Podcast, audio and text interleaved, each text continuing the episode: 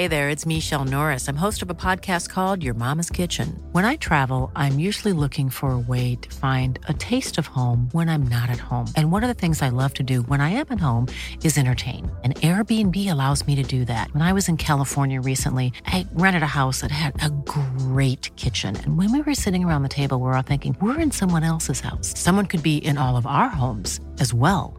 If you have a home, but you're not always at home, you have an Airbnb. Your home might be worth more than you think.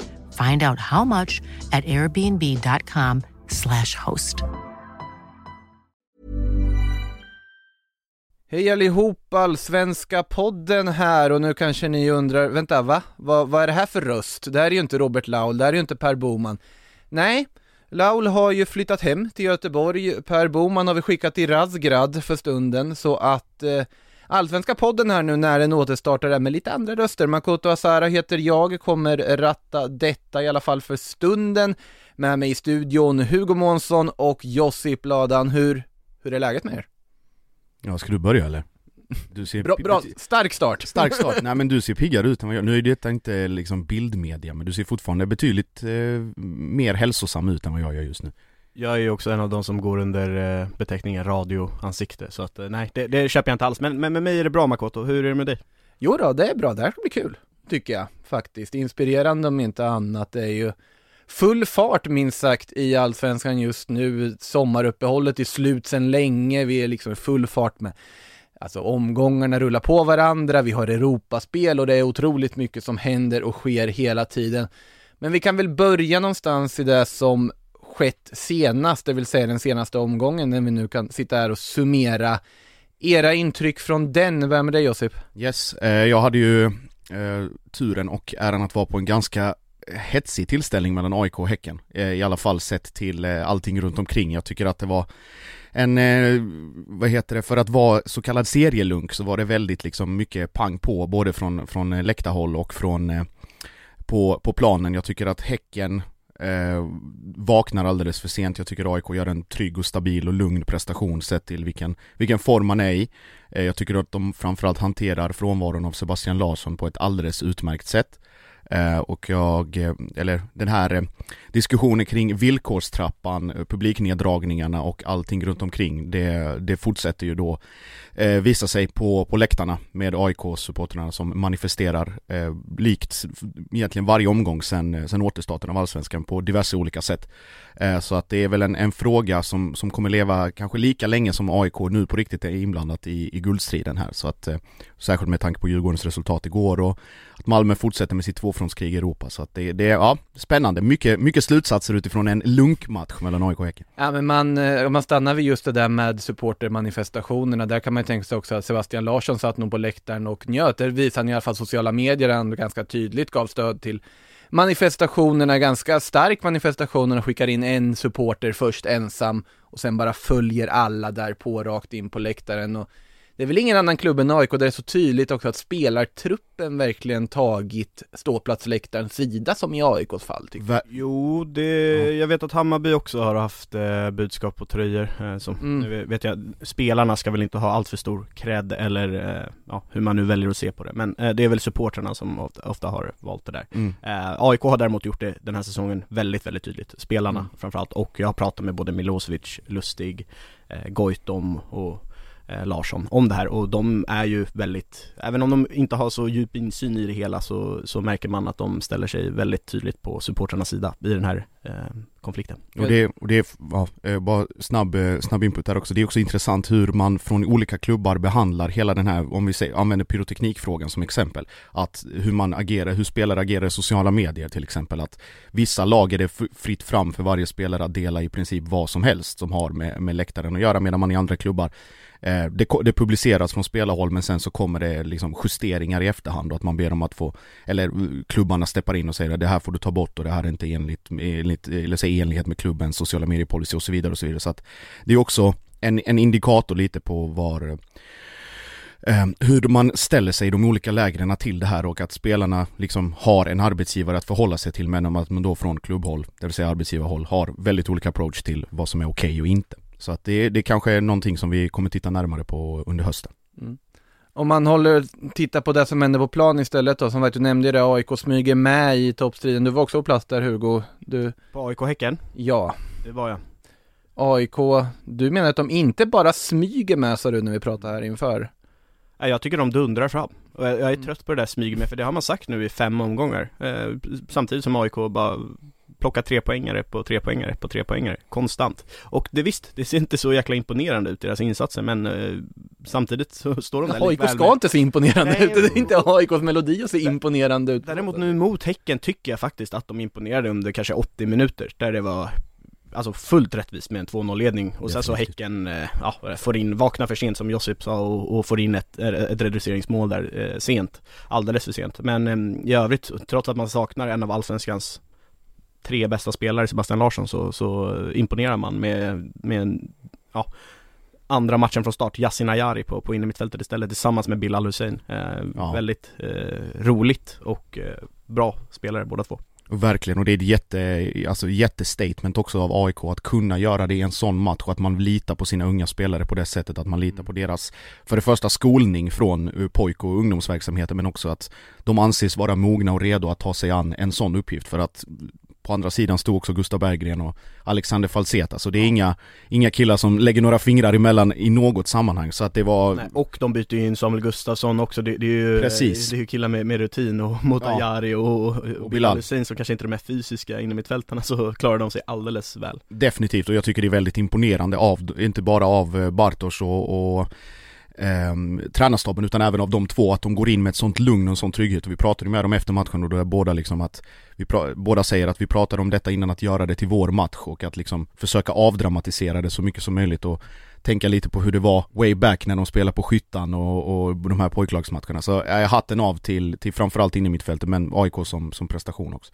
Förlåt, förlåt innan vi flyttar vidare, jag vet att vi, vi ska inte stanna alldeles för länge vid Stockholmslagen och, och, och men, vi, vi var vid ett av Stockholmslagen fortfarande. Ja precis, men jag måste verkligen bara nu konstatera det som alla redan har sett men oj vad Erik Otieno är en otrolig äh, spelare och framförallt en allsvensk ytterback. Alltså, han är helt omöjlig att stoppa, offensivt, defensivt. Han, han klarar bo- han springer 90 minuter och, och har liksom inga problem att ta hand om nyss inbytta yttrar som ska liksom ta, ta vara på att han har sprungit i 75 minuter. Men han har inga problem alls med det och bara ångar på, snurrar in centralt. Nej, otrolig spelare. Mycket, mycket fin spelare. En av de starkt bidragande orsakerna till det blev en 2-1 seger här mot Häcken. De kliver ju upp då på Tredje plats i en, ja den är väl inte haltande överhuvudtaget tabellen, men så van vid att tabeller är haltande så man brukar alltid säga att de är haltande. I alla fall. 33 poäng då, samma poäng som Malmö FF, detta Champions League-spelande Malmö FF besegrade Degerfors med 3-0, ganska Amen. stabil insats va? Uh, ja, men också en, uh, hur ska jag säga, typisk Malmö FF i uh, Europa samtidigt som vi ska dela med allsvenskan match.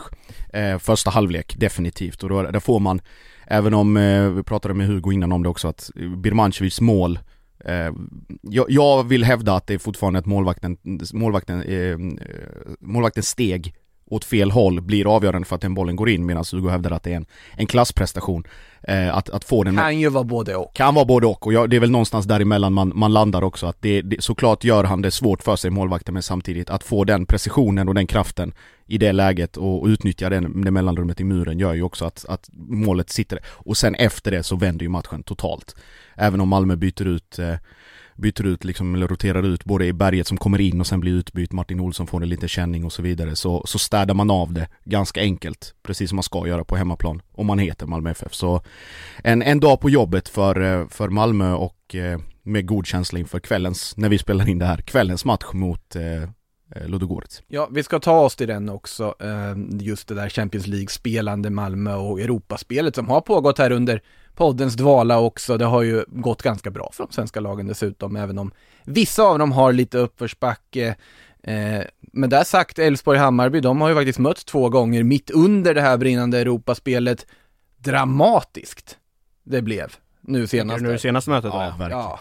Ja, eh, jag, jag, var ju på väg mot eh, AIK Häcken eh, matchen och, och, kollade i, i eh, bilen på väg till arenan och satt på, på, jag såg första halvlek på tvn hemma och sen så kollade jag på mobilen i taxibilen. Eh, och ehm, ser liksom att det står 2-0, eller 1-0 och, ehm, och allt jag ser är att Elfsborg praktiskt taget kör över Hammarby, framförallt i första halvleken. Hammarby kommer, äter sig tillbaka lite men lyckas inte göra mål på en strålande Tim Rönning i, i målet. Uh, och sen så när vi kommer in på, på Friends så ser jag att Elfsborg har utökat till 2-0 i typ 81 minuten och tänker nu, nu är det över liksom. Um, det var det inte. Nej, för då säger Josip, eh, kanske fem minuter efter det, ja vad säger du då Josip? Att... Ja jag bara, nu är det 2-2 här. Ja. Och då, då är det ju Matko, eh, nyförvärvet Alisha Matko som precis har reducerat och sen smäller Kalili in eh, 2-2 på straff i 94 som eh, Viljot Svedberg fixar. Fixar och Holmén med all den rutinen han har kan man tycka att han borde vara lite kyligare och klokare i den eh, i den, just den sekvensen. Men eh, vi, ja 2-2 eh, matchen innan dess, eh, då vinner ju Elfsborg ganska enkelt på, på Tele2 också, sett till, jo, till alltså de gör en väldigt bra match De gör jättebra alltså, bortamatch Otroligt bra bortamatch. Jag, jag, jag, säger precis som, eh, ja, vem det nu var som sa jag tror att det var mm, en, eh, ja men expert i, i Discovery här i, häromdagen Som sa det att det, det, ja Per Hansson var det, i Discovery, som säger att eh, det var inte alls så visst, Elfsborg gör en jättestark insats, vinner med 2-0 eh, Rättvist kan man ju hävda, de gör ju, de är ju vassare där det, mm. där det spelar roll. Men samtidigt, alltså kollar man siffrorna, kollar man matchen igen så, så det, det är ju betydligt jämnare, det hade ju kunnat svängt åt vilket håll som helst. Nu, nu råkar det vara så att eh, Rasmus Alm är en väldigt bra eh, spelare och får eh, ett friläge där han gör det extremt bra och sätter dit 1-0 och då kan Elfsborg är ju experter på att eh, låta motståndarna ha bollen och, och rullar runt och så hugger de som kobror så fort de bryter och det går så fort när eh, Jeppe Ockels, eh, Per Frick och, och, Rasmus Alm bryter de där passningarna och, och stormar framåt. Mm. Då, straffar de motståndarna direkt. Dels det, som, precis som du säger, men också att det, det här, jag vet inte vad Jimmy Tillin har, har gett dem för eh, upplägg eller instruktion eller till och med mat men eh, det här innermittfältet med, eh, med Römer och, mm. och Holst och Gojani, det är eh, fruktansvärt att möta. Mm. Kan jag absolut tänka mig. Och de framförallt är de så, men så lugna, och, vi pratar om Bilal Hussein och, och Yasin Ayari, de är väldigt, lik dem så är de extremt trygga men ännu tryggare mm. i sig liksom, att de hittar varandra nästan i sömnen lite grann. Och det är kanske en, en faktor som man, jag ska inte säga att man glömmer bort, men kanske man bara tänker på, på det offensiva omställningsspelet hos Elfsborg så måste de tre också hyllas. Sen, sen är det värt att stanna till extra vid Robert Gojani som Alltså den spelaren har ju verkligen klättrat från att vara en bra 3 plus-spelare till att äh, i år vara definitivt 4 plus. Alltså han är, han är hur bra som helst, han är ju länken mellan deras anfallsspel och, och mitten. Mm. Han, han äh, kliver ner som, som en äh, sexa och, och, dirigerar spelet ena sekunden för att sen vara uppe som en tia i, i anfall, i sista tredjedelen sen och är delaktig. Kolla hans framspelning till Alexander Bernhardssons 1-0 mål nu mot Hammarby här, härom sist. Det, det var en otrolig passning. Alltså mitt problem här är att jag sitter ju med minnesbilder från eh, Feyenoord-Elfsborg färskt i minnet här samtidigt ja. som jag lyssnar på er eftersom jag satt och kommenterade den. Så då blir det så här, ja det går väldigt bra funkar väldigt bra, kan gå väldigt snabbt i allsvenskan det här tremanna mittfältet, det är otroligt stabilt. Men mm. om de möter ett lag på lite en annan nivå så kan de bli otroligt blottade som de blev på The Cup nu i veckan. Ja. Eh, men, men som sagt fortfarande imponerande det de gör i allsvenskan även om det var otroligt snöpligt slut för dem på Borås Arena här nu senast. Och innan, nu säger jag hela innan vi ska till Europa hela tiden, men vi måste väl nämna Djurgården också. Eh, som bjuder in Malmö och AIK lite grann i den här guldstriden med att bara få 0-0 hemma mot Mjällby. Mm. Mycket av diskussionen där dock, den här straffen som då Jakob Bergström inte får i mm. slutet. Mm. Vi kan väl komma överens om att det är straff eller? Ja det är ja, helt, ja, Vi kan börja där i alla fall, ja. att det, det, är ju en solklar straff. Ja. Och sen då Bergström som nästan skrattandes sen därefter konstaterar att man får inte den typen av straffar på Tele2 Arena efter intervjun. Mm. Alltså, det känslan är ju, ja absolut, han är en liksom otroligt underhållande person att lyssna på och intervjua och så vidare. Men ska du verkligen stå och skratta i ett sånt läge? Borde man inte vara liksom bitter, arg och besviken och trött på tillvaron efter ja. att inte ha fått den? Verkligen, det är lite eh, man får lite mixade, eller dubbla signaler för att lyssnar man och, och läser vad Jakob Bergström eh, säger, då säger han ju exakt eh, Alltså det som låter lämpligt i den där situationen att ja, man får inte de här, det är klart att eh, domaren faller för trycket på Tele2 Det är det som låter lämpligt att säga Mjällby, Mjällby, i det läget vi befinner oss just nu så får vi inte de här domsluten med oss Bara det att Samtidigt som han säger de här orden så står han hånskrattandes i stort inte hån då, men, men står och, och ler väldigt stort och, och, står verkligen och skrattar mot mig när jag ställer frågorna, eh, mm. vilket ger verkligen mixade signaler ja. att, eh, väldigt unikt på så ja, sätt. Bergs, det, det rimmar ju ganska bra med Bergströms liksom obekymrade och fullständigt obrydda karaktär också som, som person. Alltså det, vi får inte glömma att den här den här eh, pansarvagnen eh, spelade alltså division 4 fotboll som 23-åring och har gjort en, en resa som, som är Ja, ska man, ska man dra eh, Robin Jansson-parallellen? Eh, nej, nej visst. Och då kommer han från Bengtsfors också? Nej, saga. sagan från Bengtsfors. nej men, eh, eh, alltså att det, det, här är ju någon som, som är så långt ifrån proffsfotboll som det, alltså både när det kommer till skolning, mediehantering, eh, ut, alltså fotbollsutbildning i stort så är det någon som, som har varit långt borta från hur ska jag säga, både medial uppmärksamhet och, och kanske liksom även fotbollsmässigt så att jag, förstår vad ni menar men samtidigt blir det också såhär, ja men och så, så blir det också en diskussion, ja men det här är Bergström, det här är vad man får, det här är vad man vet. Jag tycker mest att det är, det är märkligt av SVT att uppmärksamma eh, Bergström som superprofil i omgång 16-17.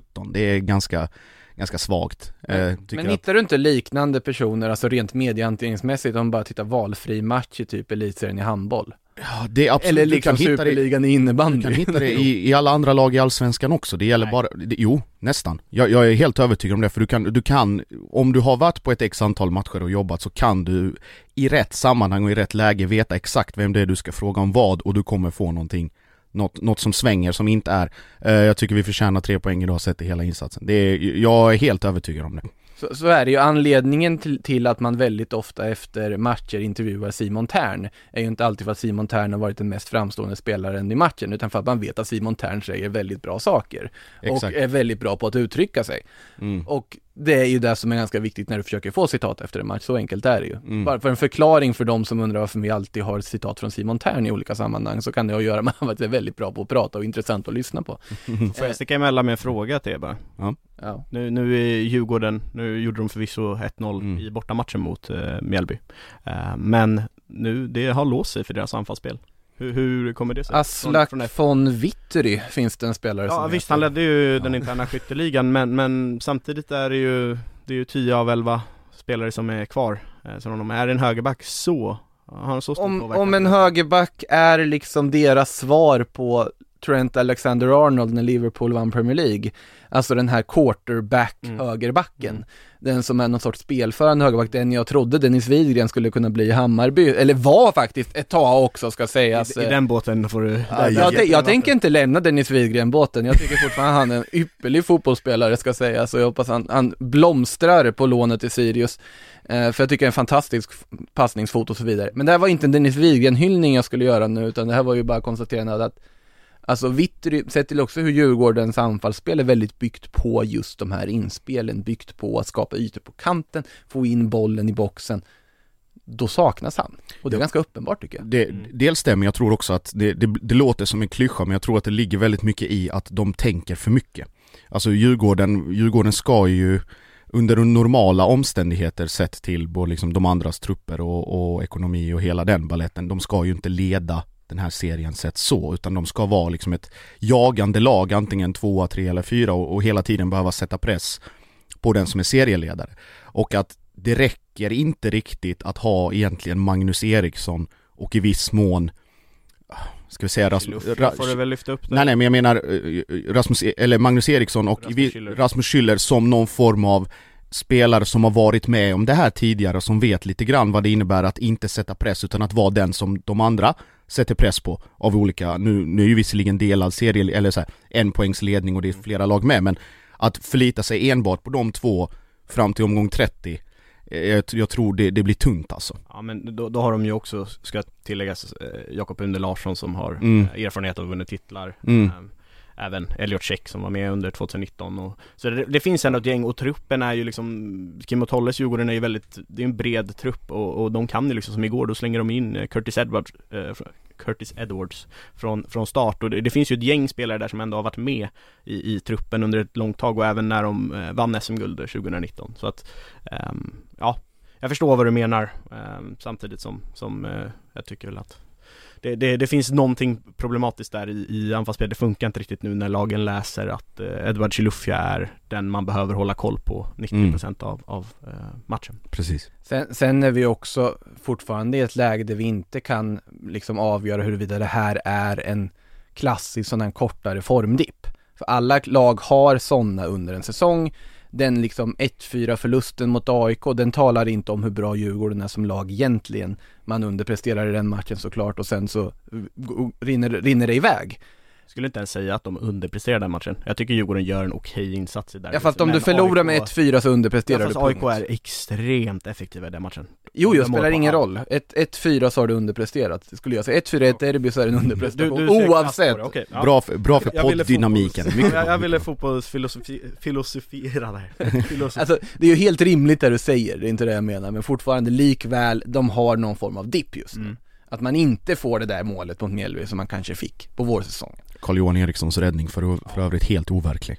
Ja, eh, Den är, den är riktigt sjuk. Helt störd räddning. sen, sen ska det också tilläggas att Mjällby gör ju en extremt bra bortamatch borta Verkligen. på, på Tele2 Arena och eh, med, med, lite flyt med sig så ska ju de eh, leda den här matchen redan efter 10 minuter. Mm. Eh, Sarr har ju jättebra läge. Ja redan efter två minuter när Une Larsson tappar bollen. Precis, ja. exakt. Och det, det, finns ju några till lägen där i första halvlek också. Mm. Att... Rörig situation för Elias Andersson ändå alltså. Mm. Att komma in där på lån från Djurgården på det här sättet och sen Börja med dubbelmöte ja, alltså det var ju första matchen i Mjällby var ju Djurgården hemma och sen upp till, till Stockholm igen Och jag pratade med honom om just det där mm. och eh, han har ju haft lite av en spionroll eh, mm. nu, nu sen han har kommit eftersom att det just var dubbelmötet och både tränare och spelare har frågat honom om jättemycket saker um, Så, så han, han medgav att uh, han blev satt i en liten uh, jobbig sits där, där han liksom, jag är kontrakterad av Djurgården men jag är utlånad till Mjällby, det är min nuvarande klubb liksom och hur mycket vill man avslöja? Mm. Det är därför jag tycker ändå att även om man kan tycka att den här klausulen man lägger in att de inte ska få möta ens eget lag är som feg. Finns, det finns inte. klausulen Gentleman... som inte har funnits någonsin. Det är bara det att man har haft ett förhållningssätt. Ja, internationellt har den ju funnits. Ja, ja, precis. I verklighet liksom på papper. Men man kan ju kritisera den ofta att det är fegt drag att göra, men samtidigt tycker jag att det är ett schysst drag att göra också mot en spelare, för det är ingen, det är ingen schysst situation han sätts i. Nej, vi minns ju, minns ju kanske praktexempel på det. Släkten är värst grejen när J Södra var i Allsvenskan senast och, och Pavel Cibicki gör sitt livsmatch mot just, just MFF på Stadsparksvallen. Overklig insats där och två kalasmål och jubla och ha sig. Så det var ju en, det var en diskussion. och jublade också ja. ja det var en diskussion där att det var innan matchen, nej, nej jag ska inte jubla eller någonting. Och sen så är det svårt att hålla känslorna i styr Gör man de målen också? Exakt ja. nu, nu börjar jag låta som en trasig CD-skiva här när jag säger att först innan vi går till Europaspelet, men vi måste ju också nämna, alltså det tråkiga som hände nu under gårdagen eh, Efterspelet till matchen mellan Östersund och Kalmar där då Oliver Berg anklagas för att ha sagt någonting rasistiskt till Sam Siro. Mm. Eh, du har pratat med parterna här Hugo om Inte Oliver Berg uh... Berg har ju gått igenom klubbledningen här som Precis. har tagit hans talan. Han såg, var ju helt bestört och började gråta och var otröstlig efter den här matchen där det fortfarande är oklart vad som har sagts exakt. Och det är väl egentligen ingen som vet, eller?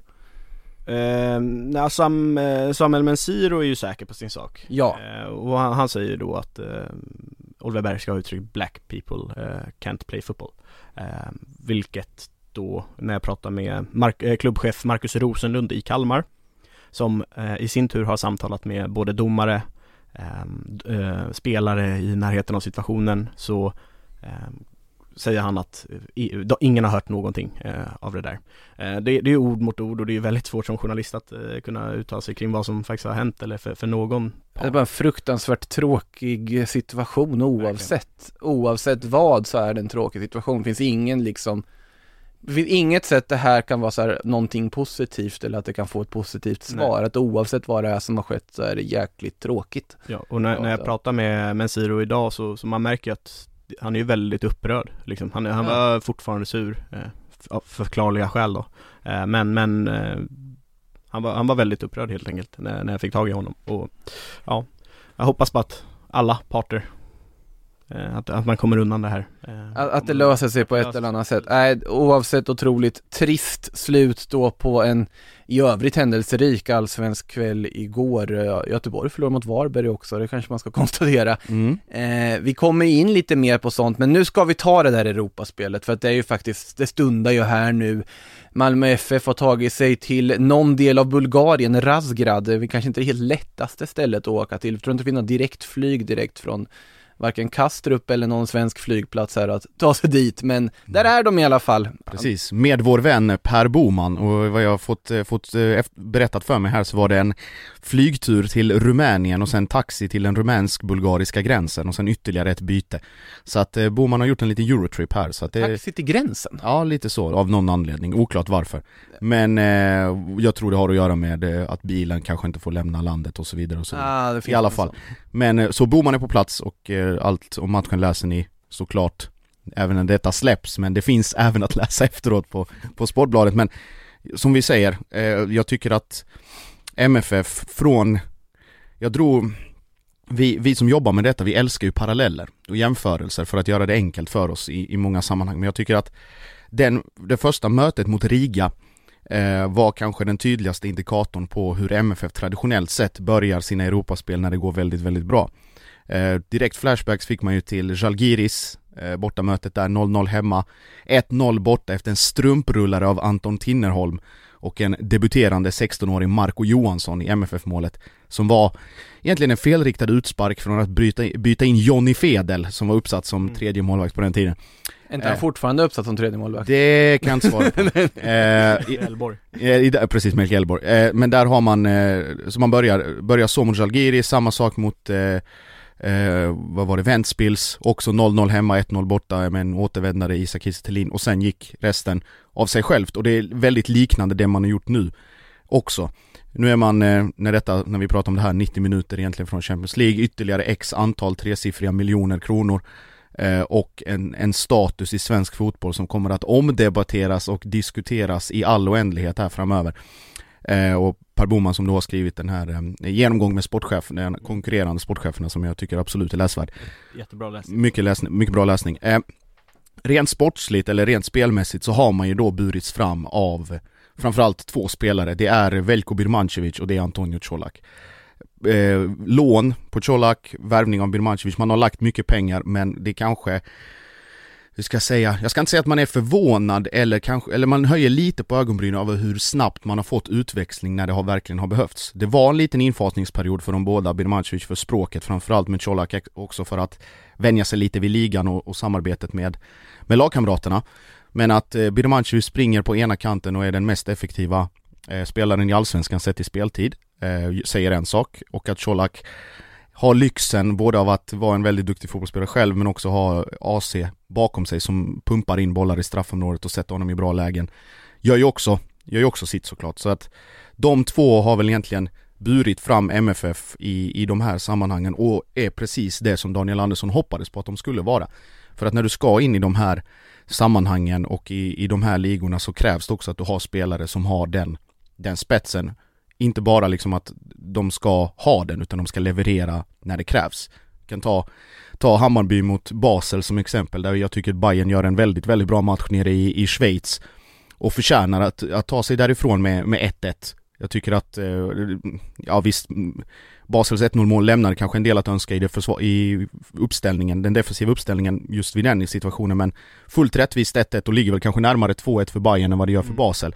Och så går det tre minuter och sen så sitter man där med 3-1, en straff och ett långskott senare. Artur Cabral. Artur Cabral. Harry Kane. Eh, vilket otroligt avslut. Ja, det är sanslöst avslut, men det är också, det är också en indikator på att vad erfarenhet, spets och rutin kan göra när det kommer till kritan i de här sammanhangen. Jag menar, visst det är nitlott att få Basel i Europa Conference League som egentligen då är en, en C-turnering, men det visar ju också på vilken ty- alltså hur svårt det är att, att hamna i de här sammanhangen. Feyenoord eh, Eh, Elfsborg ska vi inte ens prata om. Där är det, där är det klasskillnad egentligen från, ja, mm. femte, sjätte minuten när Sinisterra och eh, eh, Malaysia Tyrell Malaysia, när de börjar eh, spela Fifa där ute på den kanten och får Johan Larsson att se ut som ett rundningsmärke. Och det gör inte många. Och det gör inte många, och, men det, det, är också liksom i de här sammanhangen så, och, och Malmö, eh, inte bara liksom den här säsongen att man spelmässigt har förtjänat, för Jon Dahl Tomasson återkommer alltid det, we deserve to be here, eh, vi är här för en anledning, bla bla bla.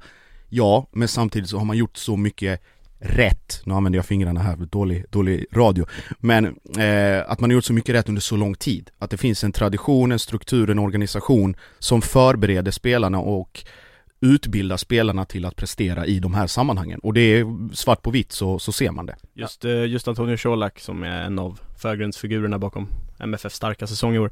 Eh, jag har ju en, eh, får man lov att lansera en, en kanske en kontroversiell teori? Det får man absolut i de, i de här sammanhangen att Colak har ju verkligen gynnats av eh, Ola Toivonens skada eh, under inledningen av Allsvenskan när de två startade och Anders Christiansen tvingades ta en av de mer två sittande rollerna och, och Toivonen spelade som tia och Colak på topp. Det var, såg alldeles för stillastående statiskt ut i anfallsspelet.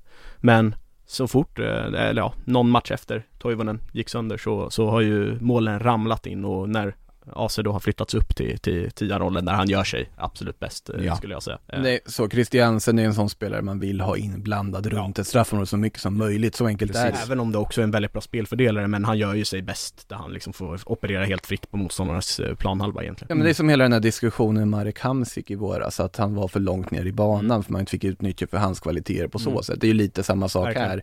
Bara Christiansen har ju liksom bevisat sig själv väldigt många år i den här serien nu. Ja. Och det är fascinerande hur han fortfarande kan vara kvar på något sätt. Och det, mm. det är en väldigt trött spaning att göra för den har alla andra gjort redan, men herrejösses vilken bra fotbollsspelare det är. Mm. Alltså frisparken mot Degerfors. Ja, det är overklig. Helt okej. Okay. Helt okej. Okay. Helt okej okay, frispark. Ja, men jag tar vidare lite där vad Hugo sa kring, kring Toivonen. Grejen är med en sån spelare, jag tror hade det varit nästan vilken annan spelare som helst som inte har den statusen i Malmö FF som Toivonen har så hade han flugit ut ur startelvan redan efter 3-4 omgångar. Det är jag helt övertygad om. Mm. Grejen är att Toivonen med sin tradition, med sin, sin inflytande i omklädningsrummet, i media liksom som, som någon form av ledarfigur post Rosenberg, gör också att man kanske ser mellan fingrarna lite mer än vad man borde göra när det kommer till spelarmässiga prestationer. Och jag skulle vilja säga att Ola Toivonens vårsäsong fram till skadan är faktiskt direkt svag. Ja. Jag tycker han är bland de, bland de sämre spelarna i, i Malmö FF eh, under den här perioden. Givetvis jätteolyckligt med, med den typen av, av skada eh, som fortfarande inte är offentligt från Malmö FF vad det är. Eh, om jag missminner mig. Och väldigt värt att tillägga också att vi, vi såklart är inte glada över att Toivonen är skadad precis, utan, utan det är mer, väldigt, det, eh, precis, det handlar bara, det här handlar liksom bara om utväxling och sammanlänkade händelser som gör att Malmö FF dels toppen av allsvenskan precis som målsättningen alltid är varje år men ändå att man har tagit ut sig tagit sig ut i Europa. Eh, jag tror, jag är helt övertygad om att Toivonen fortfarande bidrar med väldigt mycket. Han är säkert nere i omklädningsrummet, snackar, peppar, motiverar, hjälper de unga spelarna, pratar, ger feedback och fungerar som någon form av hur ska jag säga, spelande tränare men att det blir en roll som, som är naturlig för honom och som han ska mm. ha i det här laget. Så att eh, det, det finns, finns alltid goda saker att ta, ta med sig från någonting som, som i grund och botten är negativt. Nu kommer jag hoppa tillbaka lite där du sa att Malmö förtjänar liksom sin status de har fått och det håller jag helt med De förtjänar ju också sin sidning på något sätt. För det är många som har diskuterat där, ja hur kommer det sig att Hammarby och Elfsborg får ställas mot Basel och Feyenoord medan Malmö får någon sorts räkmacka in? Jo, för Malmö har kämpat igenom alla de här åren i Europa, tagit sig ut i Europa varenda år och på så sätt gjort sig förtjänta av en kvalmässig kvalräkmacka Precis. på så sätt. Om Elfsborg och Hammarby fortsätter år ut och år in och komma till de här playoff-mötena, ja då kommer ju deras alltså koefficient och sidning se så pass bra ut att de kommer hamna på rätt sida av liksom det här lottningsträdet och att de får möta typ eh, Kups från Kuopio istället i, i sista omgången. De har ju redan nu förbättrat eh, sin eh, Med all respekt Europa. i Kups ska sägas, men ja. i alla fall. Både Hammarby och Elfsborg har ju redan nu eh, förbättrat sin Europapoäng eller vad man ska säga. Mm. Det heter väl koefficient, ja, exakt. ja något eh, i den stilen i alla fall. Um, för att de har tagit sig till playoff båda två. Och men eftersom att båda de hade så dåliga poäng eh, dessförinnan så fick de ju alltid, eller ja, nu när det vankades playoff så fick de ju dra lotter från den eh, tuffaste sidningsgrupper. Eh, eller ja, ett av två då. Mm. Uh, och det hade de även fått gjort om de nu tar sig till, till uh, gruppspel så kommer de uh, bli sidade på, på fjärde plats i, i Europa Conference League. Mm. Och, och, då i toppsidningen av Europa Conference League till playoff så var det ju, trots att det är en C-turnering så fanns det ju bra gänglag där. Typ Tottenham, Precis. Roma, Ba- lite sånt. Basel är ju rankade trea eh, Mm. där efter Roma och Tottenham. Det är ganska överlägsen stil. Det- och det, det är ju dock också inte att förglömma, nu, nu låter det som att man, man bygger upp Basel som eh, lika stora klubbar som eh, Tottenham och Roma och det är de ju inte utan de lever Det ganska var ingen som mycket- trodde du gjorde det heller. Okej, men de, de, eh, de lever ganska mycket på sina resultat för typ tre år sedan och, och dessförinnan där de konstant tog sig till Champions League-gruppspel och så vidare. Nu är de ju inte alls lika starka, vilket jag tror att de flesta som såg matchen i Schweiz här eh, nyligen också förstod för att Hammarby var ju i princip lika bra som, som de på bortaplan. Eh, Mm. Så att, Min teori är att för att de saknar Alexander Fransson nu för tiden. Det är i alla fall min, min, min teori. Eller Berang kommer Safari. Berang Safari, nej men jag, innan vi går vidare också det här som, som Hugo säger med koefficienten och att man förtjänar liksom att ens prestationer lägger grund för det. Det är alltså Visst, Hammarby möter Basel nu, Elfsborg möter Feyenoord, men de här så kallade, eh, alltså blåbärsgängen ska ju ändå städas av om man tittar liksom historiskt på Malmö FF. Det är liksom Žalgiris Vilnius, det är Budapest Honved, det är Lokomotiva, det är, eh, ja nu minns jag inte, men det är så, och sen så när du kommer liksom hoppet mellan Q2 och Q3 och plötsligt så står du där med Salzburg och du står med Celtic och du står liksom med lag som, som är då var i en helt annan dimension gör ju också att man liksom nu kanske lite i efterhand bara pff, fattar att okej det här är det här är då överprestationer men sett till nu Jag menar Ludogorets, det, det ska man ju Utifrån första matchen också, det, du ska gå Ja, vidare men där är ju Malmö favoriter på förhand för mig, även om det knappt 55-45 kanske eller i den stilen men, Malmö har Exakt. gjort det där så många gånger nu och ställts mot de här lagen som alla andra som vi ser nu vad, vad Hammarby och, ja Hammarby har ju ett okej resultat att de kan ju vända det, Mm. Eh, eh, det, det kan ju hända Elfsborg är ju mm. tyvärr körda eh, med 0-5 mot Feyenoord. Eh, Hade Malmö ställts mot Feyenoord hade varit en helt annan sak och jag hade, ja det, det, det är ju, Malmö har ju gjort det där mot Olympiakos, mot eh, Shakhtar, mot eh, I gruppspel, ja, hemmaplan Ja, i gruppspel Ja. förvisso men, men alltså hur, mot hur, hur många bra lag som helst nu, Salzburg eh, mm. Men det är ju det här också att gräset är alltid grönare på andra sidan och jag tror vi tittar på Malmö FF på ett sånt sätt att man tänker Oh, nu får de eh, Glasgow Rangers, oh, nu får de Ludogorets tuffa motstånd eller Mm. Cluj eller vad det nu kan vara för Mm, Cluj, precis Om man tittar, jag kan tänka mig att lag från liksom andra länder när de tittar på lottning tänker Oh, nu får vi de här Malmö FF som Mm. alltid tar sig till Champions League och Mm. Europagruppspel Att Malmö har ju jobbat till, till en status där de sannolikt utifrån sett är på den nivån mm. På de här de här klubbarna från mindre ligor som man alltid tänker att de här är starka Verkligen. i Europaspel. Mm. Och där är ju Malmö idag.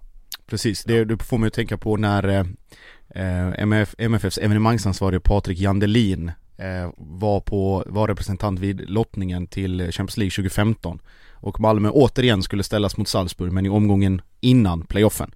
Eh, och det var mycket uppgivna och nästintill Eh, skräckdränkta eh, blickar från eh, den österrikiska delegationen när de tittade på Jandelin när det stod att Salzburg skulle möta MFF en gång till.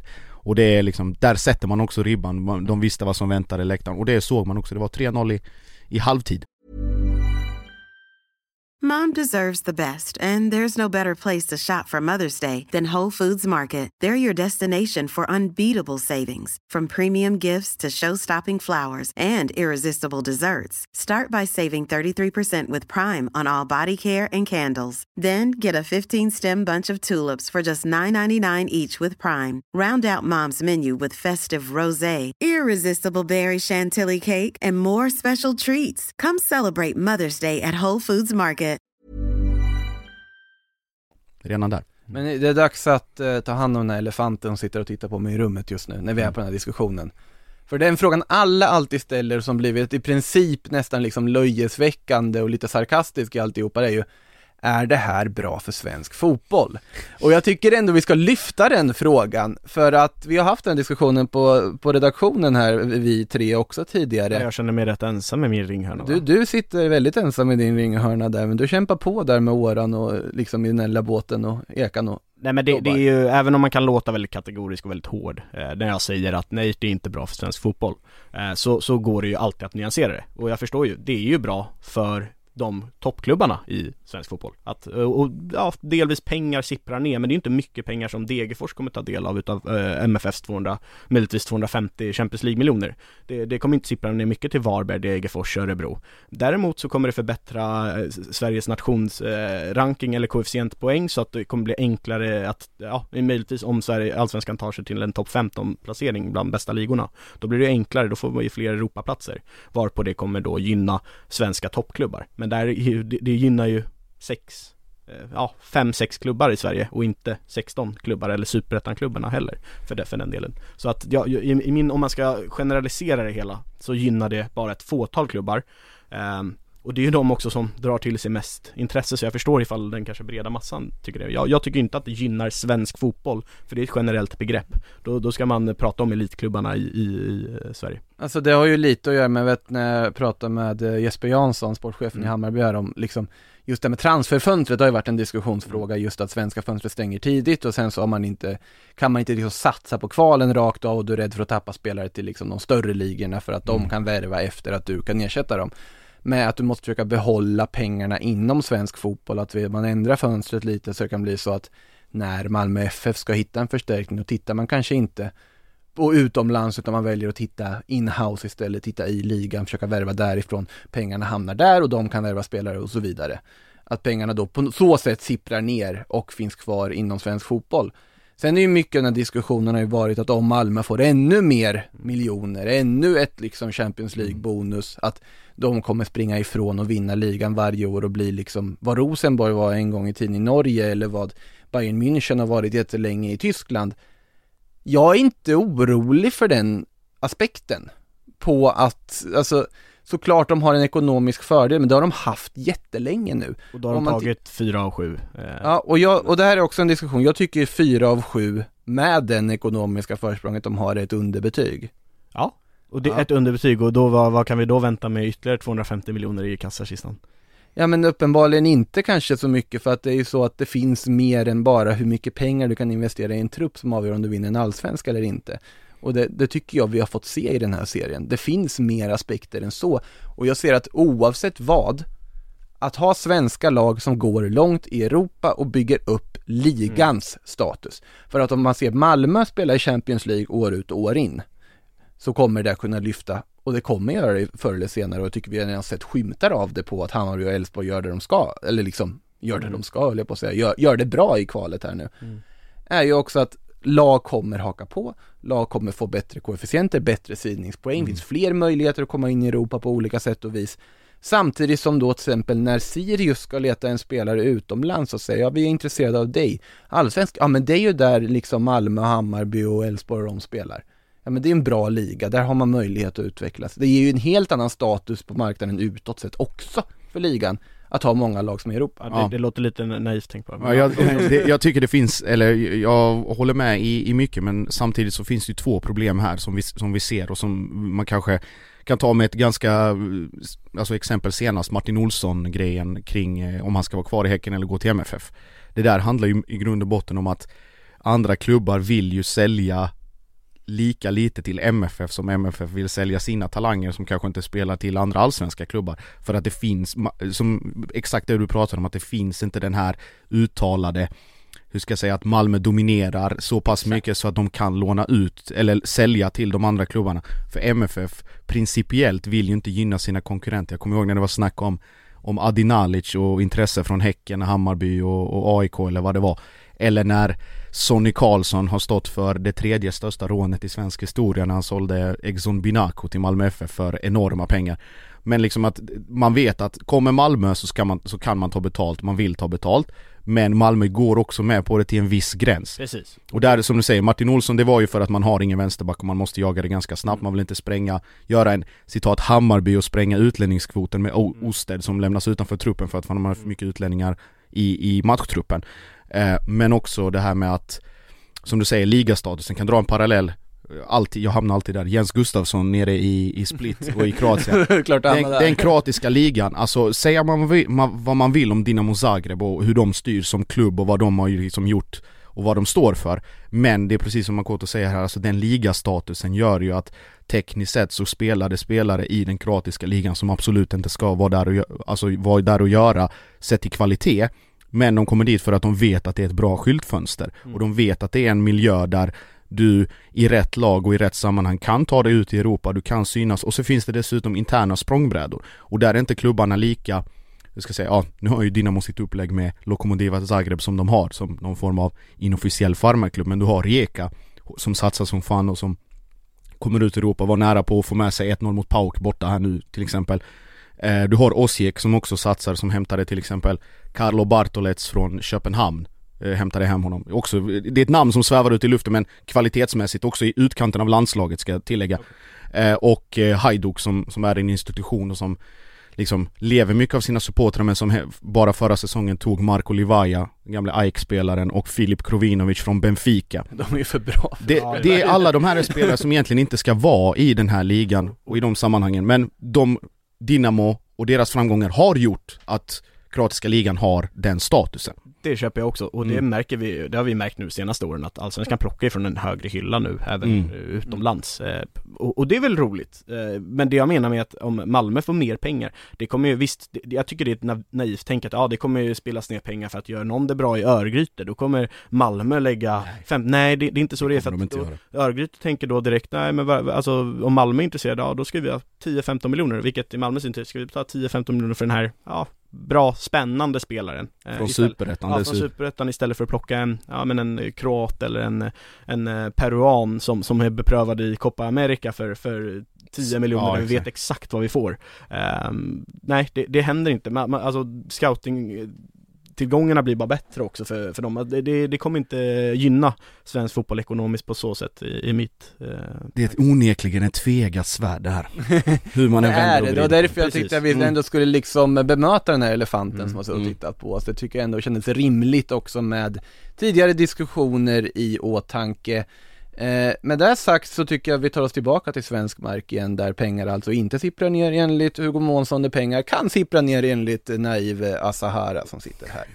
Eh, vad, vad finns det egentligen? Har ni någon annan fundering vi inte hunnit ta upp? Vi har ju suttit här och pratat på liksom så. Mm. Och med all rätt med tanke på att senaste avsnittet eh, från Allsvenska podden var i maj Men va? Om vi ska kompensera för det ska vi sitta här i fem timmar eller någonting. Nej men, men det, det är väl därför det kan eh, dra ut mycket på det, eh, för vi har mycket att säga Så är det. Måla med breda penseldrag här. Ja, det gör vi också Mm. Ehm, Ja, men någonting jag har funderat över en match som vi inte har plockat upp från eh, senaste omgången är IFK Norrköping. Mm. Alltså de ställer faktiskt upp ett väldigt bra lag på pappret här mot Halmstad borta. Det finns en liten liksom tro igen, Totte Nyman tillbaka från start. Man tittar på elvan och känner men det här är ett bra allsvenskt fotbollslag. Någonting jag faktiskt ändå känner, man tittar på Norrköpings elvor här efter sommaruppehållet innan att det känns inte riktigt som att det här truppbygget är byggt för att överhuvudtaget Nej. konkurrera. Att det, det håller inte riktigt nivå. Sen har det varit på grund av skador och så vidare och Samuel Adegbenro är fortfarande helt fantastiskt där framme. det. Absolut. Men att de får den smällen de får nu mot Halmstad, ser ut som de gör under den första halvleken och förlorar. Alltså hur långt bort är Norrköping från där de borde vara? Ja, men, är känslan jag. Alltså det finns så många aspekter i det här. Till, till att Mm. börja med bemöta just Norrköping, som folk verkar ha någon bild av att de ska vara med i den yppersta toppen. Inte med den truppen, alltså Adegbenro är en jättebra spelare. Fransson i sina bästa dagar är en toppallsvensk spelare. Det, det är också några år sedan han var på den nivån. Backlinjen, det, det är ju ett enormt eh, nedmontering sen eh, Jens Gustafsson eh, basade över Norrköping i mitt tycke då. Med Rasmus Lauritsen, med Dagerstål. Eh, nu, nu har man förvisso eh, Eh, Wahlqvist tillbaka men Marco Lund är ju ingen bjässe och Kastegren är okej. Eh, men, men alltså just truppmässigt är det brutalt mycket sämre, eh, skulle jag säga, om man bara jämför med fjolåret. Eh, ja, du ser ut att ha en invändning Ja, Alltså, jag skulle säga att det är inte orimligt att med den trupp de har, liksom om hade tittat på truppen på pappret inför säsongen, tycker jag inte det är orimligt att nästan ställa ett krav om de ska med och slåss om Europaplatser. Nej, Men- det, de, absolut ska inte. väl, Jag håller de, helt de med. ska väl ligga topp fem, men Ja. alltså topp tre, det, det tycker jag är omöjligt att kräva Norrköping med den här truppen. Framförallt när man tappar Sead Haksabanovic under säsongen, Totte Nyman har varit skadad så pass Sett länge. till och det hur man saker och ting har utvecklats, om man bortser från att just tabellmässigt så är det orimligt att tro att de ska klättra så långt. När man tittar på hur de spelar idag, hur de tittar på truppen, Ja. absolut. Och, och, ja, och spelmässigt, det är ju en helt annan fråga. Där, där Ja. tycker jag man kan kräva bet, eh, Betydligt mer av det de Men gör. truppmässigt bara, det, det är ju liksom, det, det är ju naivt att gå in och tänka att man kommer behålla Sead Haksabanovic över hela 2021. Eh, Det, det visste nog eh, Ja, ja, men det, samtliga det om. var nog ingen som trodde Precis. att de skulle göra Och heller. Totte Nyman, det visste man ju också om vad han kom med, eller vad han hade- för skadeproblem eh, Nu inför säsongen. Mm. Eh, så att det, det är ju inga konstigheter där. Eh, Isak Bergman Johannesson, ja det är lite besvikelse över att han inte riktigt har kommit upp i, i sin nivå. Oavsett, det, det var det första av de, det, mina reaktioner på det där. Mm. Det andra är att smällen mot Halmstad, alltså Halmstad de ska ju ha hur mycket beröm som helst, det är ju ett otroligt bra lag i år. Alltså deras Jo, jo, backlinje är så, ju absolut. efter AIK så är bland, eh, eh, jag tycker de imponerar extremt mycket. AIK har väl kanske allsvenskans starkaste försvar, eh, Halmstad är definitivt med där i, i sidan och Baffo eh, och Ante Johansson, Ante Johansson som får hur mycket beröm som helst som han ska ha också, men Baffo är någon som också hamnar lite i skym, skymundan. Det är en extremt bra allsvensk mittback. D- dessutom Edvin, eh, Edin eh, Kurtulus som är jättebra. Säfqvist i mål, eller ja, eh, Nilsson Säfqvist, eh, jätteduktig. Eh, Bengtsson ute till vänster och kryddar det med, med fi, alltså den, sen, som eh, Per Boman skrev efter matchen, den sensationelle eh, Alamari Mm. eh, som är otroligt eh, skicklig och, och sen så ett, i- ett lån av eh, Marcus Antonsson på topp som är ju den Marcus Antonsson man visste att han skulle vara om han lämnar Malmö eh, och, och så fyrtornet Boman där, Nej, det finns Tott Wikström, de, har väldigt bra Samme lag Kron till exempel. Precis, nu ja, har vi gått igenom hela elvan. Nej men du, du är inne på någonting här Hugo, för jag tycker att HBK, alltså man ska veta, alltså även om man eh, liksom hörde från MFF-håll att ja men 0-0 mot Halmstad, det är för jävligt och bla bla bla. Alltså Halmstad borta är ingen lätt match, absolut inte. Och det är liksom, hur ska jag säga, Halmstad är precis i den regionen, när de, alltså tabellregionen, när de en bra säsong får det att funka, kan hamna lätt, alltså åtta mm. utan tvekan 7-8 där liksom där man, där Örebro brukar prenumerera på den liksom åttonde, nionde platsen För att hemma är man urstarka och man, man vet liksom att det, det är lika hemskt att komma till Örjansvall i juli som det är att komma dit i november, för att det är fortfarande ett riktigt För det är liksom samma väder i Sverige om det är juli och november höll jag på att säga. Nej men att Haglund, Haglund har fått ihop eh, Halmstad på precis det sättet som alla trodde att han skulle göra. Och det är egentligen, det är, det är hatten av sett till att, att du har både rutin, alltså en sån spelare som Joel ja, Allansson också. som folk trodde liksom var, var slut efter Blåvitt och glömde bort att han existerade, kommer tillbaka och kompletterar Alamari helt utmärkt. Som du var inne på, Boman med sin rutin, Antonsson och sen har du samtidigt Samme Kron som också hittad eh, någonstans i, om det var Umeå om jag minns rätt, Alamari hämtad från J Södra. Så att du hela tiden har den här balansen och jag tycker att de elva som startar i Halmstad Eh, kanske Sadat Karim som brukar Ja, komma in lite. Men det, de elva, det, det är ett lag som, som ska ligga någonstans mellan, en bra säsong mellan 7 och 9. Jag håller med och och framförallt, vi vet ju i just vår allsvenska serie hur försvarsspelet ofta räcker långt i, i över 30 omgångar och, och har man Ante Johansson och, och Josef Baffo där Mm. eh, så, så eh, har man många poäng inspelade. Sen så någon vi glömde att eh, berömma där också är ju eh, Pelle Olsson, en assisterande som är Mäktiga ehm, Pelle Nej Olsson. men han, han verkar ständigt ha läst varenda motstånd och framförallt hur starka Halmstad är mot topplagen, alltså eller de förmodade topplagen, mot Norrköping, mot eh, Hammarby, mot Djurgården, mot MFF. MFF, ja precis. Alltså han läser allt det där. Han, han, han eh, kollar på sina klipp, analyserar och, och bygger upp en antitaktik där, hur de ska liksom, eh, ja men kontra Mm. eh, de här lagen och, och läser in deras styrkor och svagheter och så anpassar de sig därefter. Och det, det har de gjort extremt bra hela den här säsongen. Mm. Från, eh, nu var vi ju för sig på bollklubben snarare än kamratföreningen här Ja, i slutändan. Vi, tänkte- det, det är väl ändå fint tycker jag att vi väljer att se glaset som halvfullt och väljer att hylla Halmstad istället för att såga Norrköping här. Även om min liksom take på det här var just att liksom ifrågasätta kanske snarare än att såga vad eh, IFK Norrköping faktiskt sysslar med just nu sett till ambitionerna och kraven jag ändå tycker ska finnas oavsett hur truppen ser ut, sett till Ja nu, nu motsäger jag ju mig själv lite här med att säga sett till de ekonomiska fördelarna som laget har gentemot andra också med alla försäljningar och så vidare och med Rickard Norling som kommit in och han ska sättas in. Det har inte funkat. Och jag tror att, jag tror att det har påverkat klubben, scoutingen, analy- alltså Stig Torbjörnsen ska ha alla medaljer i världen för vad han har gjort och vad han har hämtat i Norrköping. Nåväl, Eh, nåväl. Nej, jag, jag, men liksom Kevin Alvarez Ja det är, det är. Kevin Alvarez, det är en annan historia. Men jag menar att det, det har påverkat dem mer än vad de kanske vill ge sken av, eller vad de tror. All hysteri som har varit omkring klubben. Alla personer som har försvunnit, alltså den omsättningen av personal. Det spelar ingen roll om det är en fotbollsklubb, eller en, en bolagsstyrelse, eller Eller en allsvensk podd. Eh, allsvensk podd eller, liv, alltså, eller en kiosk på hörnet, alltså det kommer påverka, det, det är liksom, det, det är ofrånkomligt. Och även om spelarna såklart liksom gör vad de kan på planen så är det ju fortfarande att den här tryggheten att komma dit varje dag och liksom en, en miljö som, som är friktionsfri kan vara bra på många i avseenden. Det kan, bra med lite friktion också, men det totala kaoset som har varit i Peking eh, fram till att Peter Hunt avgick och allt som var runt omkring det, det kan man skönja faktiskt lite även på, på fotbollsplanen.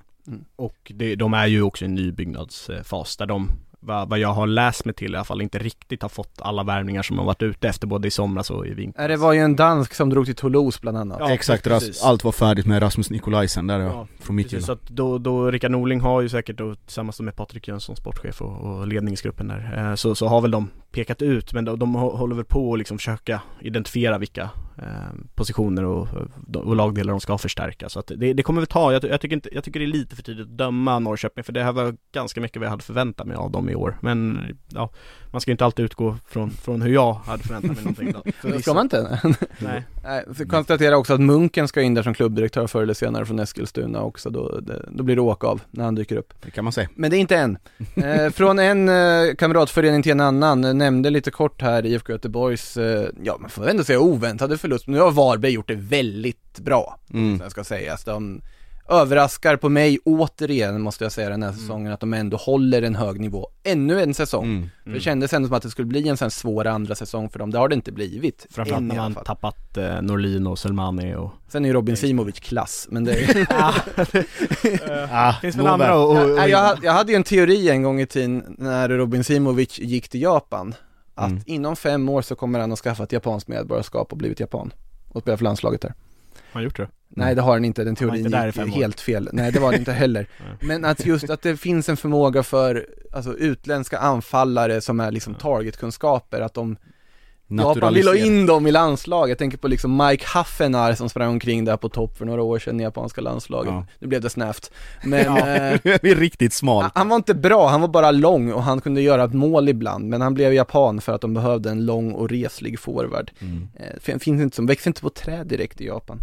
Nej. Eh, med det sagt i alla fall, Varberg imponerar, men vad gör IFK Göteborg tycker ni? För det är också ett svårbedömt lag riktigt, vad man, var man, vad man ska förvänta Ja. sig och man ska placera dem. Någon, någon har släckt lampan på Kamratgården och de lajvar någon form att de leker eh, kurragömma med de kanske de allra svåraste förutsättningarna. Och det är stolar överallt och bord och allt möjligt och ingen ser någonting.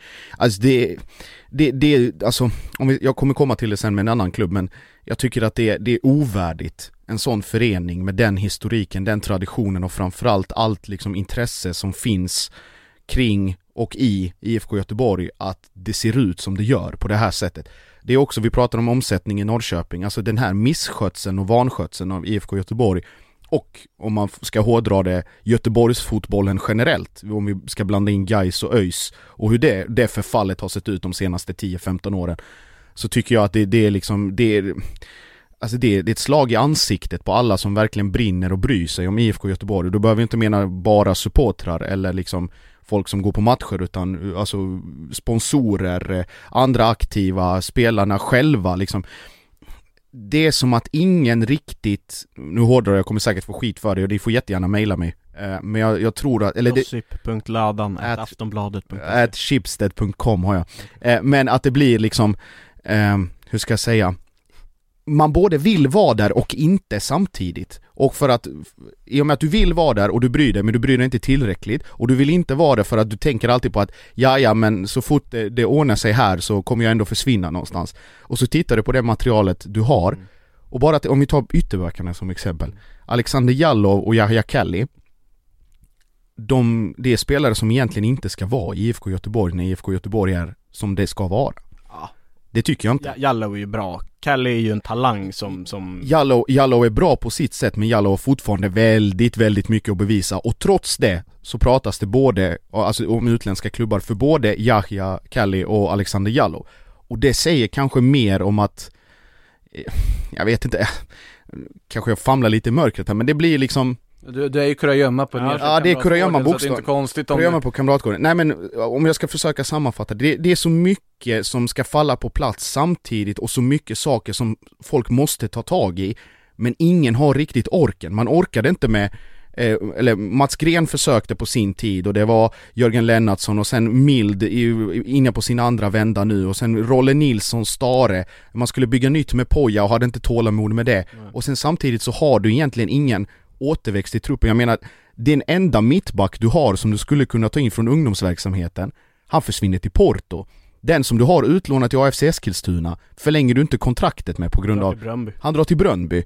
Det, den mittbacken du hade kvar fram till i somras, din egen produkt, han var redan såld sen säsongen innan. Till Mechelen. Till, ja exakt, eller var det Lommel? Ja, Lommel. Lommel. Precis, och det blir liksom det, det, är så funda, det är så många fundamentala fel samtidigt. Det, det är lite som liksom Tjernobyl, eh, alltså inne i kontrollrummet på Tjernobyl den här kvällen på 80-talet när liksom reaktorn håller på och de bara nej nej, alltså så här, it's, not, it's not bad but it's not terrible.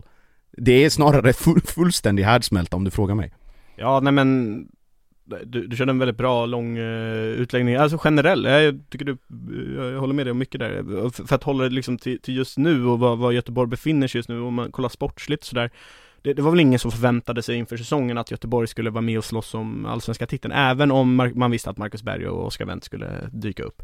Eh, men, men, men, som de flesta visste om så, så, skulle det halta en del under våren och så kanske att de skulle få ett uppsving till hösten. Det, det verkar vi inte ens få nu heller.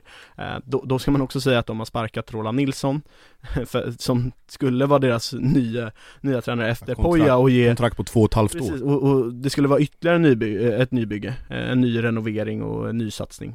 Han får gå, in kommer Stare, ny gamla Stare och, och, då förväntar man sig ändå resultat direkt. Han får dessutom bästa tänkbara start med eh, ett gäng nyförvärv, en på nyttfödd eh, Sigthorsson som, som eh, gör mål direkt. Marcus Berg, det är, det är en klassvärvning i Allsvenskan. Oskar Wendt också klass. Alltså det är bara att titta på truppen som de ställer upp med igår. Med, även om Josip då var ifrågasatte Jallow och Kelly så, så är ju ändå Erlingmark, Bjärsmyr, jo, Kalle Johansson som ändå var ett delvis prestigeförvärv. Det var många klubbar som sneglade mot honom inför säsongen från mm. Falkenberg va?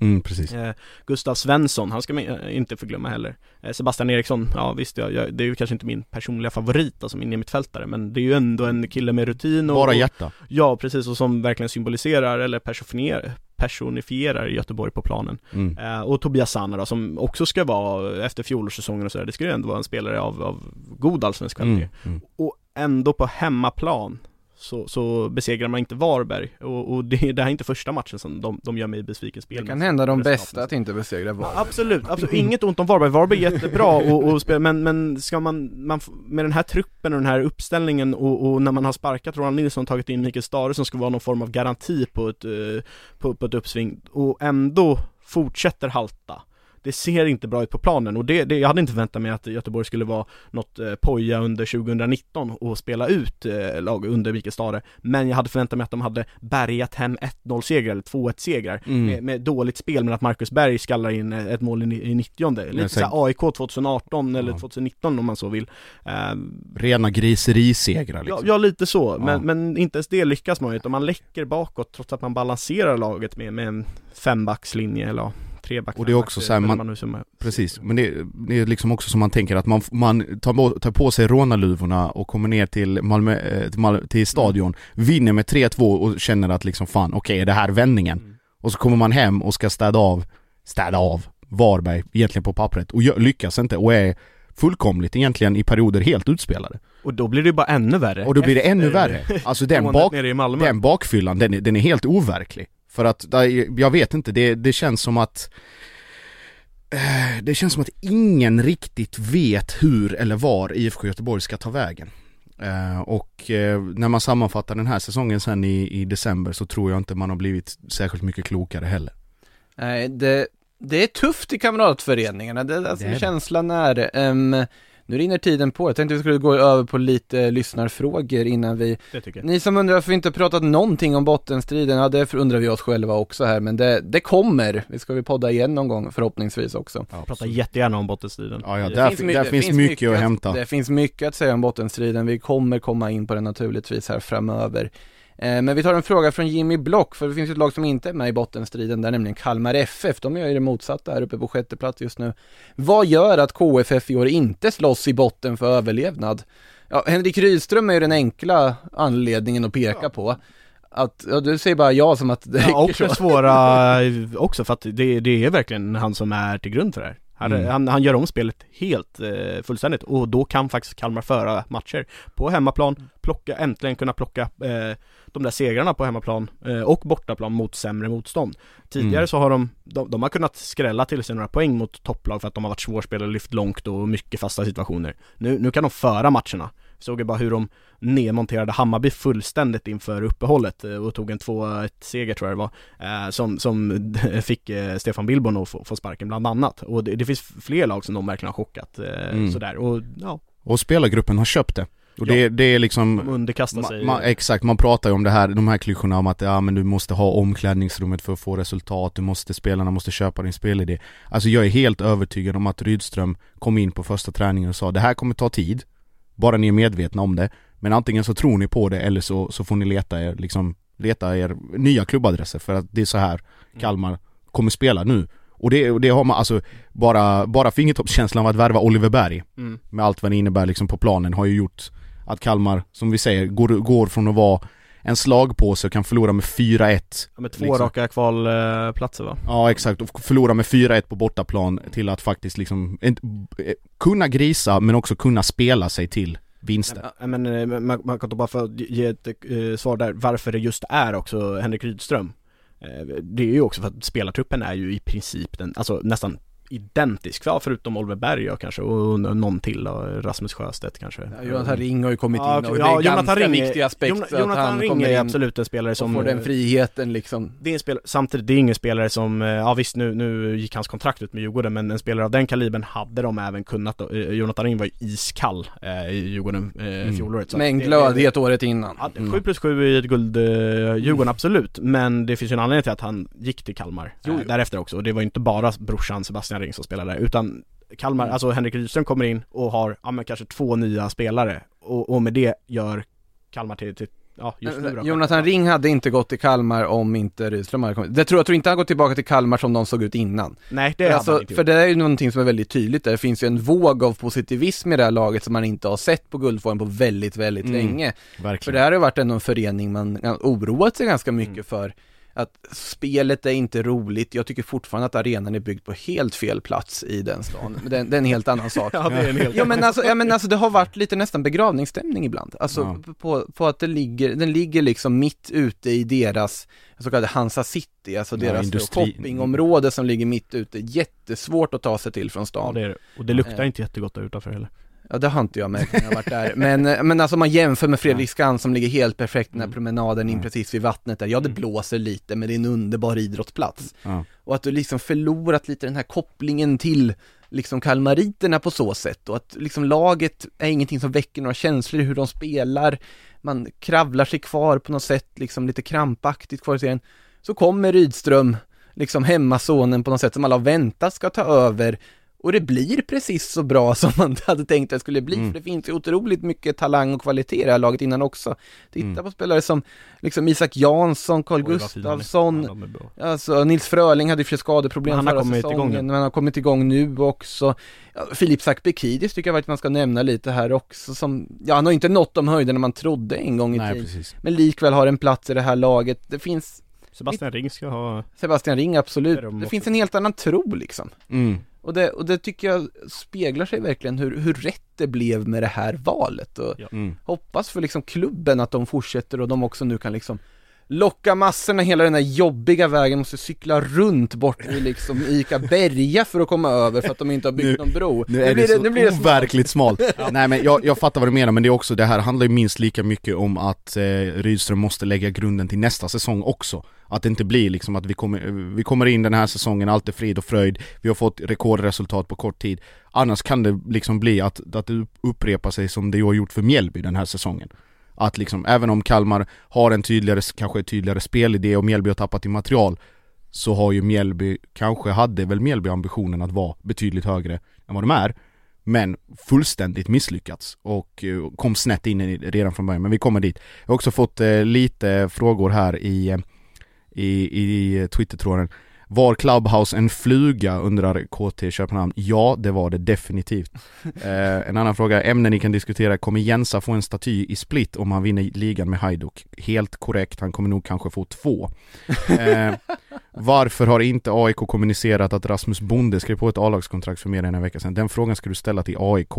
Eh, varför de inte har gått ut med det vet jag inte, men det kommer väl troligtvis inom kort. Eh, borde Mjällby fått straff igår? Ja, det har vi, är vi överens om. Du, du, bara, du bara river av alla Nej, nej. din Twitter-tråd Nej nej, här ska vi se. Den här, den här, är, den här är längre, den här är bättre. Jocke Persson gör underverk med Varberg men ryktas samtidigt aldrig till någon toppklubb. Varför? Ja, men det är väl för att han är lite för kontroversiell medialt skulle jag vilja säga Tror du stundom. Ja det, det tror jag, även om det såklart kan locka med nu i takt med i efterdyningarna, eller ja, eh, Corona är ju inte över eh, som vi alla vet men har nu under coronapandemin har ju också väldigt många klubbar tagit chansen att stänga ihop sig lite mer. Eh, inte bara eh, mot, alltså, eh, mot media med att man inte är lika välkommen på träningsanläggningar och så vidare men även att de, de är inte lika lättillgängliga spelare och ledare därifrån. Och för att då knyta an till Jocke Persson så, så han säger ju i princip alltid vad han tycker och tänker och eh, kanske till och med säger utan att tänka ibland. Eh, vilket vi alla älskar, det är ju jätteroligt, det är ju en jätteprofil i Allsvenskan. Eh, men jag kan tänka mig att storklubbar skulle rygga tillbaka lite på grund av det. Plus lägg där till hans spelidé som inte är den progressivaste av spelidéer Mm. utan det är liksom bara rakt, det ska resultat in, vilket i och för sig kanske skulle passa eh, MFF Vissa eller klubbar. Ja, vissa klubbar. Men, alltså, han, om man ska byta det lite, hans liksom fotbollsfilosofi, ja det nämnde du också här, Mm. men alltså som tränare på alla sätt och vis, så känns det ju inte som en toppklubbstränare idag. Nej, Sen, Nej. sen vill man ändå se det här konstprojektet. det hade varit jätteroligt. Det hade varit jätteroligt att se. Ja. Och jag tror inte alls Alltså- att han har gjort, gjort bort sig utan han har ju säkert gjort resultat med klubben men väldigt många klubbar har ju också en, eh, en ambition och en vision om att deras eh, lag ska vara progressiva, de ska föra matcher och så vidare. Mm. Jocke Persson hade nog inte haft några problem med att ratta ett topplag och, och lägga sig lågt och kontra och, och skicka upp, ja men kanske till och med värva in en liten Robin Simovic där uppe eh, som, som frälsare. Tashreek kommer väl med också. Det, det Han ska och med. en bra Han, han kommer ju garanterat med Han också, ska med, men... Får fan eh, också. Får fan också. Ja det, just det, för fan det blev aldrig något med Norrköping, de gick på Jahav Gurfinkel istället. Exakt, Mycket mäktig, Det kan man också, det kan man också göra. Jag- Jag sitter fortfarande för det, hur har de scoutat fram en sån? Det undrar jag också. Jag, jag ställer mig alltid lika undrande varje gång. Hur Ja. hittar man liksom, vad, vad är det som gör att man liksom tittar på israeliska Ja, men det är ju football hittar manager. 23-årig? Alltså Torbjörn Känn har ju hittat när han har spelat en save så har han hittat uh, Gurfinkel där, eh, när, när han har spelat. tror det? Ja det är definitivt. Fyra stjärnor i potential, honom ska vi ha. Ja. Eh, vi tar en fråga till innan vi stänger ner för det här var ju så roligt tycker jag Mm. så vi kan köra över timmen som jag hade planerat. Eh, Wilmer Lunneblad frågar, kan det rent av vara en nackdel för Blåvitt att ha två så bra anfallare? Systemet anpassas för att båda ska få plats, vilket resulterar i mindre plats för kreativa mittfältare. Alltså med, med tanke på Sigthorsson Berg som topp, det är ju lite sagan om de två tornen. Mm. Ja, däremot, eh, alltså jag förstår frågan, den är i allra högsta grad befogad. Samtidigt så tror jag att eh, Kevin Jakobs frånvaro har påverkat Blåvitt mycket mer negativt än de kanske räknade med. Han är ju precis den spelaren som man som de hade förhoppningar att Hossa Majers skulle vara och som Hossa Majers har visat i omgångar. Eh, och Sanna behöver också någon form av kreativ och teknisk avlastning. Eh, Kevin Jakob har en skadehistorik som, som i hans ålder kan vara liksom karriärsavgörande. Det är en knäskada som han, hade, som han fick när han spelade i Häcken. Men samtidigt har han visat att när, när allting klaffar och när, när det funkar så är han en enorm tillgång. Eh, så att, jag vet inte om det var svar på frågan men, men Jakob får de här två eh, som vi säger, Sagan om de två tornen, kan få ett lyckligare slut än vad, vad eh, handlingen ser ut att ta vägen just nu. Jag, jag skulle inte säga att det handlar om anfallarna eh, Utan jag, jag tycker väl, ja i, I den bästa världen så hade väl kanske Marcus Berg kompletterat en eh, mer djupledsgående anfallare än Sigthorsson eh, Men i mitt tycke så handlar det till större del av att eh, man eh, väljer att eh, starta med eh, Sebastian Eriksson och Gustav Svensson på ett innermittfält och det, det är ju inga kreativa eh, vad ska man säga, Kreativa- Det är inga, nycklar. det är inga mittfältvirtuoser Nej, det, nej det, är inga, det är inga känsliga regissörer som, eh, som dyrkar upp eh, tunga lås. Ehm, utan det är ju spelare som stänger eh, mittfält och som vinner mittfältskampen, vilket de knappt ens gör eh, nu förvisso. Men eh, så ta, kanske behåll en Gustav Svensson där och släng in en mer kreativ, eh, d- där, där bredvid också. Mm, jag, ty- jag tror Eh. Kevin Jakob är svaret på den frågan. Ja. Eh, nu börjar jag sitta och tänka på, slutar Sagan om de två tornen med en så här positiv ton eller inte? alltså, alltså de har ju liksom plock, de klarar ju Helms Deep liksom efter det. Men är, är det en positiv ton inför fortsättningen? Alltså de Lord kämpar sig upp, men de kämpar Alltså, ju upp för berget där liksom. Det, det vi ska ha med oss är ju att tornet översvämmas ju liksom Ja just Enterna ja. Ja, men man blandar, man liksom lägger ihop filmerna till ett trilogin liksom, Ja. tänker bara liksom Ja. var slutet där.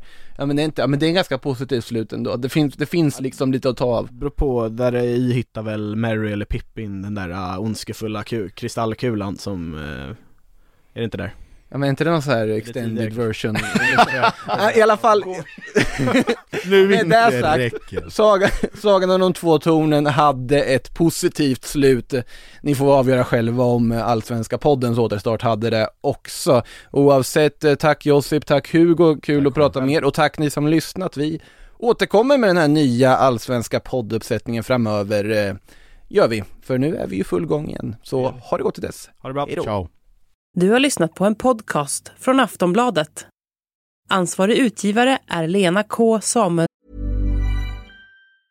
Mom deserves the best, and there's no better place to shop for Mother's Day than Whole Foods Market. They're your destination for unbeatable savings, from premium gifts to show-stopping flowers and irresistible desserts. Start by saving 33% with Prime on all body care and candles. Then get a 15-stem bunch of tulips for just $9.99 each with Prime. Round out Mom's menu with festive rosé, irresistible berry chantilly cake, and more special treats. Come celebrate Mother's Day at Whole Foods Market.